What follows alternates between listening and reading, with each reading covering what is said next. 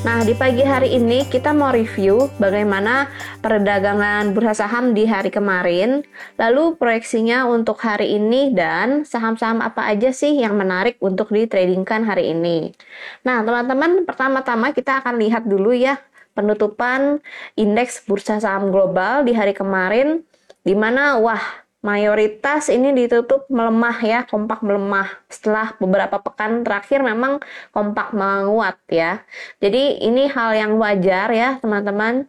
Namanya kenaikan nggak mungkin terus-terusan naik ya. Pasti ada istirahatnya dulu, lalu baru lanjut naik lagi.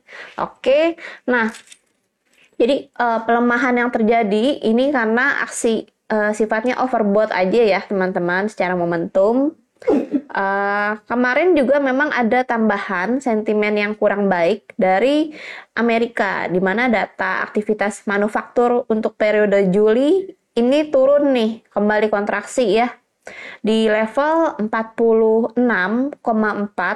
di mana level ini tuh lebih rendah daripada ekspektasi pasar ya, masih kontraksi pula.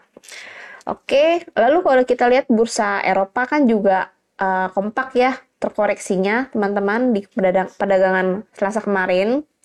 Jadi ini um, disebabkan oleh penurunan aktivitas manufaktur ya ditunjukkan oleh PMI manufaktur di Euro area, di Jerman, di Inggris untuk periode Juli.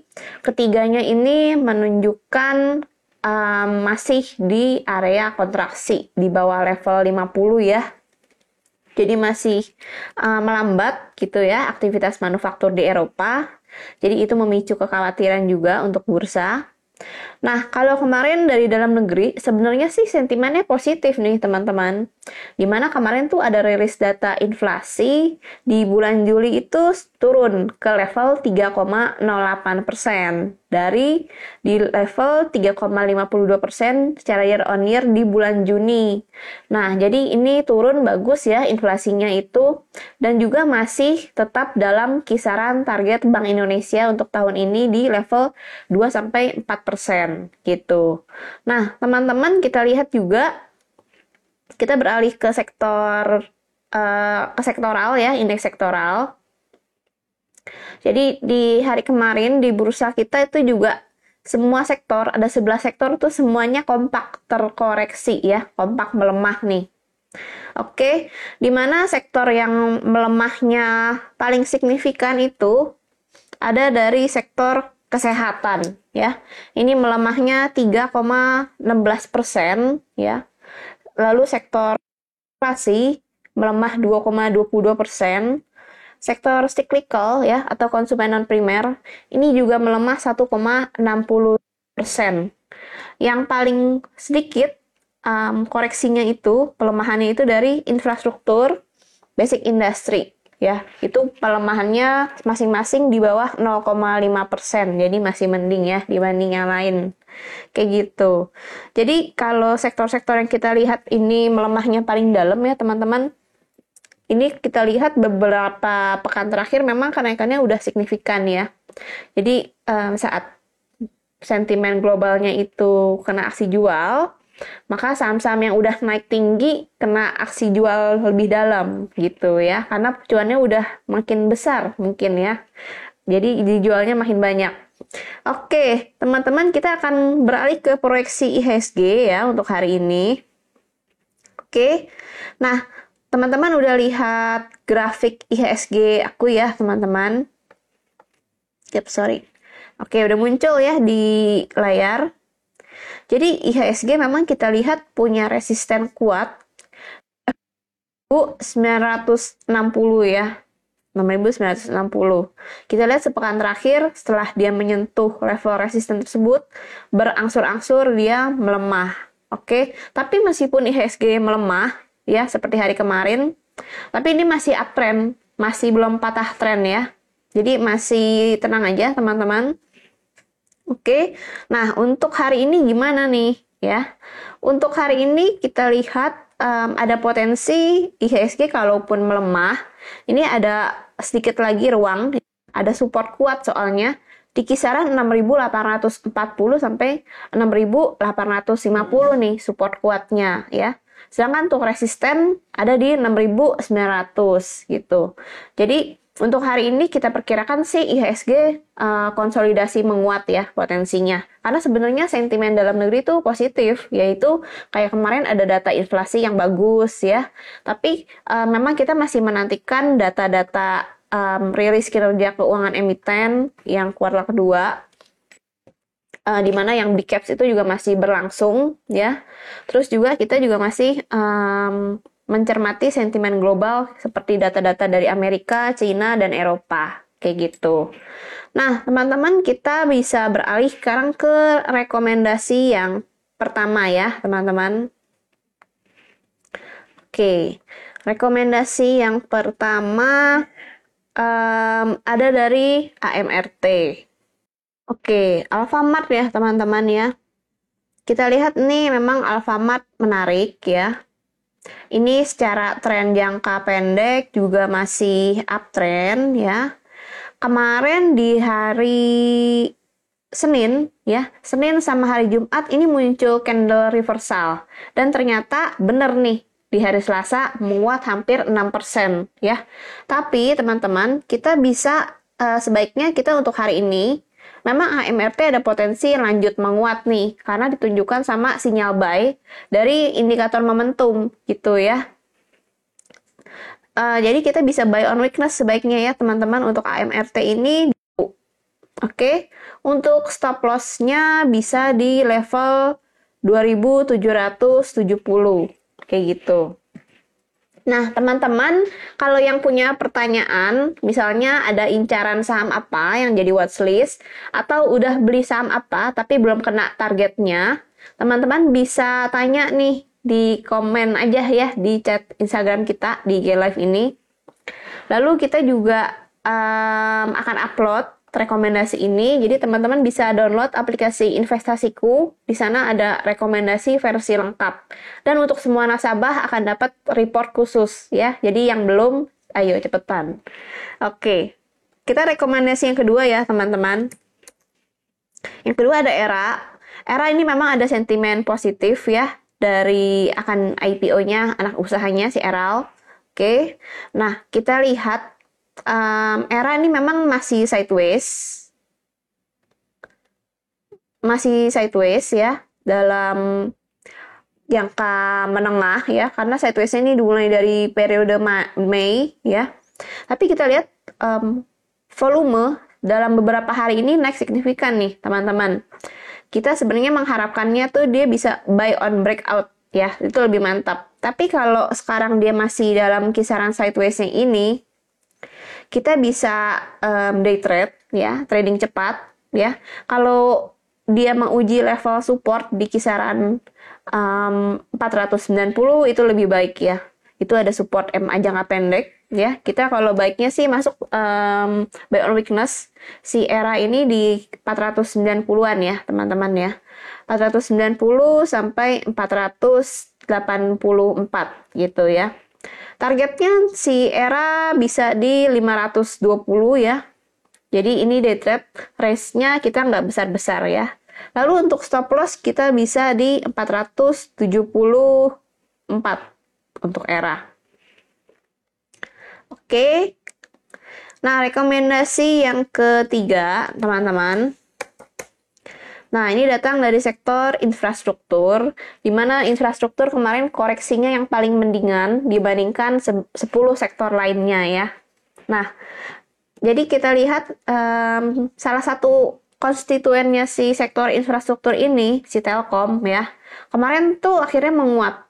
Menguat 0,81 persen. Meskipun ya memang masih sideways. Oke. Okay? Nah, kalau kita perhatikan teman-teman, Telkom ini muncul beberapa reversal candle di hari sebelumnya. Di hari Senin, di hari Jumat, ini ada candle spinning top ya. Lalu kita perhatikan dari RSI stokastik ini ada pola golden cross ya. Jadi Telkom ini menarik untuk sudah menarik kita koreksi karena aku ingat beberapa hari yang lalu banyak yang nanya nih, gimana nih Telkom kok turun terus ya? Gitu. Ternyata hasil earningnya udah keluar, udah nggak penasaran lagi deh pelaku pasarnya, udah investornya udah nggak khawatir lagi.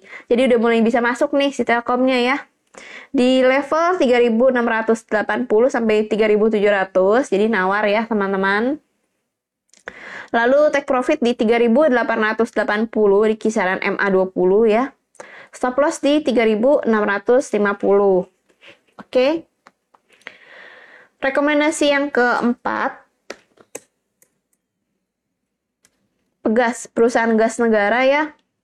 Nah, Pegas ini masih uptrend nih teman-teman. Ya, menarik sekali ya. Pegas ini uptrend. Oke.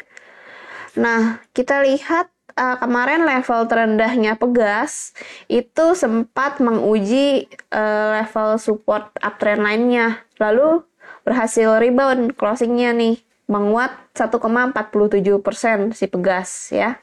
Dari RSI stokastik ini juga um, menunjukkan golden cross ya. Kita bisa buy Pegas di dekat-dekat supportnya di level 1370 sampai 1380. Take profit di 1420, stop lossnya di 1350. Oke, rekomendasi yang terakhir ya teman-teman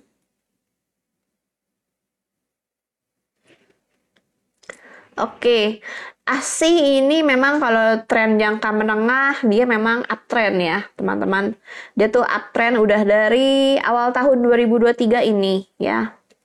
Jadi kalau jangka menengah memang bisa jadi dia sudah jenuh beli gitu. Tapi seorang trader kita bisa memanfaatkan fluktuasi harganya dalam rentang harian gitu ya. Oke. Nah, untuk ASI, meskipun dia konsolidasi ya, tapi race-nya, race hariannya lumayan besar nih, teman-teman.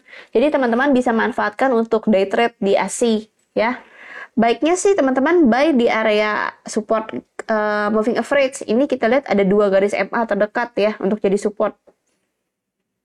Um, di level 6700 sampai 6725 kita bisa buy ASI ya targetnya bisa di um, 6.975 sampai di 7.000.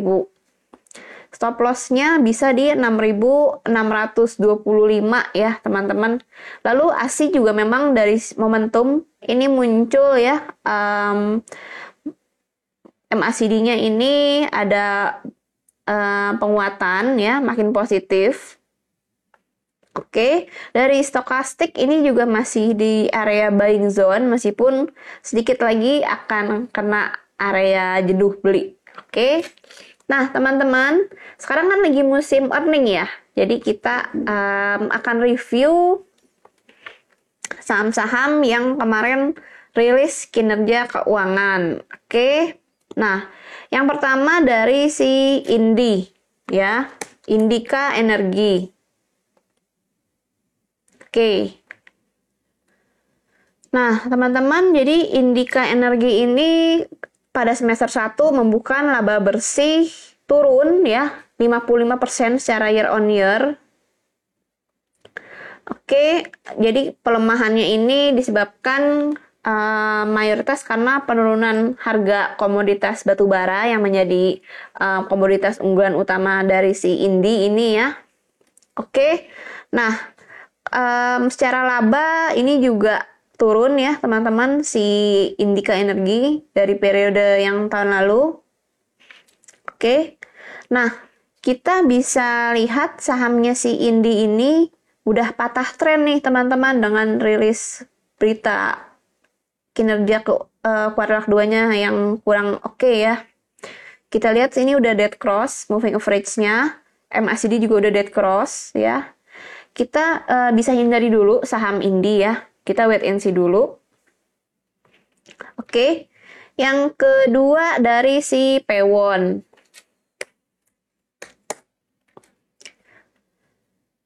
Oops. Dead cross juga nih, Pewon. Hati-hati ya, teman-teman. Oke, Pewon ini membukukan laba bersih turun juga eh naik nih. Naik 49,6% secara year on year di semester 1 ya. Um, revenue juga naik tipis 5,3 persen secara year on year ya. Oke, memang sektor properti ini salah satu sektor pilihan untuk di semester kedua ya teman-teman. Tinggal pilih sahamnya aja karena nggak semuanya oke okay juga gitu. Oke, okay. nah si P1 ini kita lihat lagi sideways cenderung melemah ya. Jadi kita bisa hindari dulu nih si P1.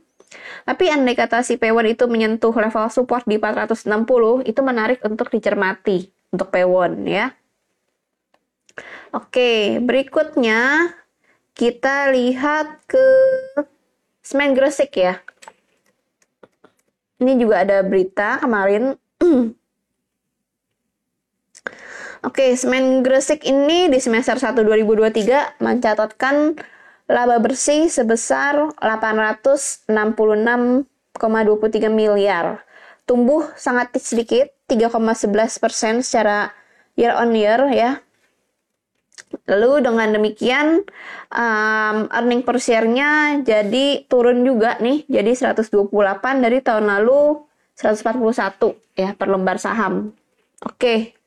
Nah, kita lihat semen Gresik sebenarnya masih uptrend, teman-teman ya. Masih uptrend, cuman uh, dalam beberapa hari ini dia tuh udah berbalik arah ya. Jadi lagi menguji nih support uptrend lainnya. Lalu memang ada backupan dari supportnya si um, MA20 nih teman-teman ya jadi tapi teman-teman kalau udah bersih baiknya untuk jangka pendek bisa di sell on strength dulu ya aneh kata dia menguat sampai ke 7 ribuan kita uh, mungkin akan buy on weakness kalau dia breakdown support atau kita buy on breakout kalau dia lanjut menguat di atas 7000 ya. Karena beberapa waktu ini kan beberapa bulan terakhir harga komoditas batu bara tuh melemah di mana itu jadi sentimen positif sebenarnya untuk industri uh, semen. Oke. Okay. Teman-teman, apakah udah ada pertanyaan? Wah banyak nih ternyata. Oke, sebenarnya aku mau bahas soal earning, tapi udah banyak pertanyaan, jadi kita bahas pertanyaan dulu ya, teman-teman. Yang pertama ada Kalbe Pharma. Wah, Kalbe Pharma ya, teman-teman. Mungkin kita lihat pakai Bollinger Band supaya lebih dramatis. Oke. Okay. Um, jadi kalau pakai Bollinger Band, teman-teman, ini lebih kelihatan nih. Secara signifikan si Kalbe Pharma itu um, bergerak membuka um, lower lower band dari indikator Bollinger Band ya, teman-teman. Ini pembukaan pertama, jadi masih ada potensi penurunan lebih lanjut untuk si Kalbe Pharma. Kita bisa hindari dulu ya Kalbe Pharma. Oke, nextnya. Bang Bukopin ya, BBKP. Oke.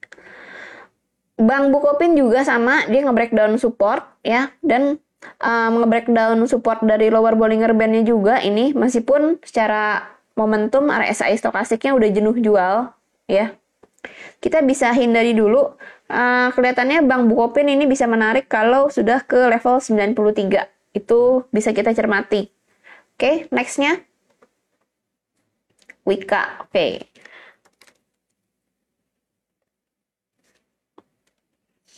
Wika masih lanjut downtrendnya, teman-teman. Ini bisa dihindari dulu uh, infra infrastruktur seperti ini. Kalau infrastruktur yang mungkin seperti ADI, PTPP, itu bisa kita uh, watchlist. Cuman kalau Wika kayaknya masih jauh ya, teman-teman. Ini downtrendnya baik jangka pendek maupun jangka menengah tuh masih lanjut ya untuk Wika. Nextnya SCMA.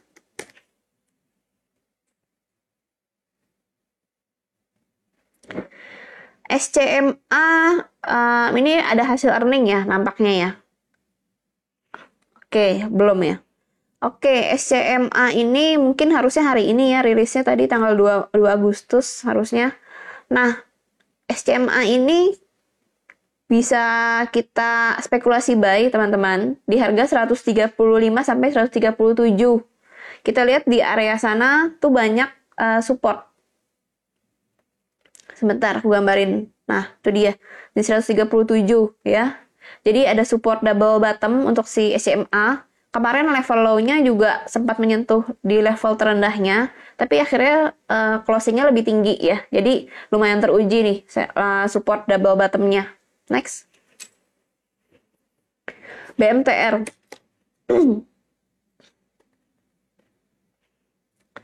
Oke. Okay. Nah, BMTR tadinya ada pattern ya, tapi akhirnya dengan pelemahan dengan bearish Marubozu yang dibentuk kemarin sampai 11%, akhirnya ini di breakdown ya, teman-teman. Jadi kita bisa hindari dulu BMTR ya. Um, belum kelihatan secara meyakinkan supportnya. Jadi kita bisa wait and see dulu gitu ya untuk BMTR. Next. Unilever. Oke, nah Unilever ini memang sempat uh, menarik ya. Dalam beberapa hari yang lalu kelihatan sinyal buy, ada spinning top, tapi akhirnya justru melemah kemarin berbalik arah.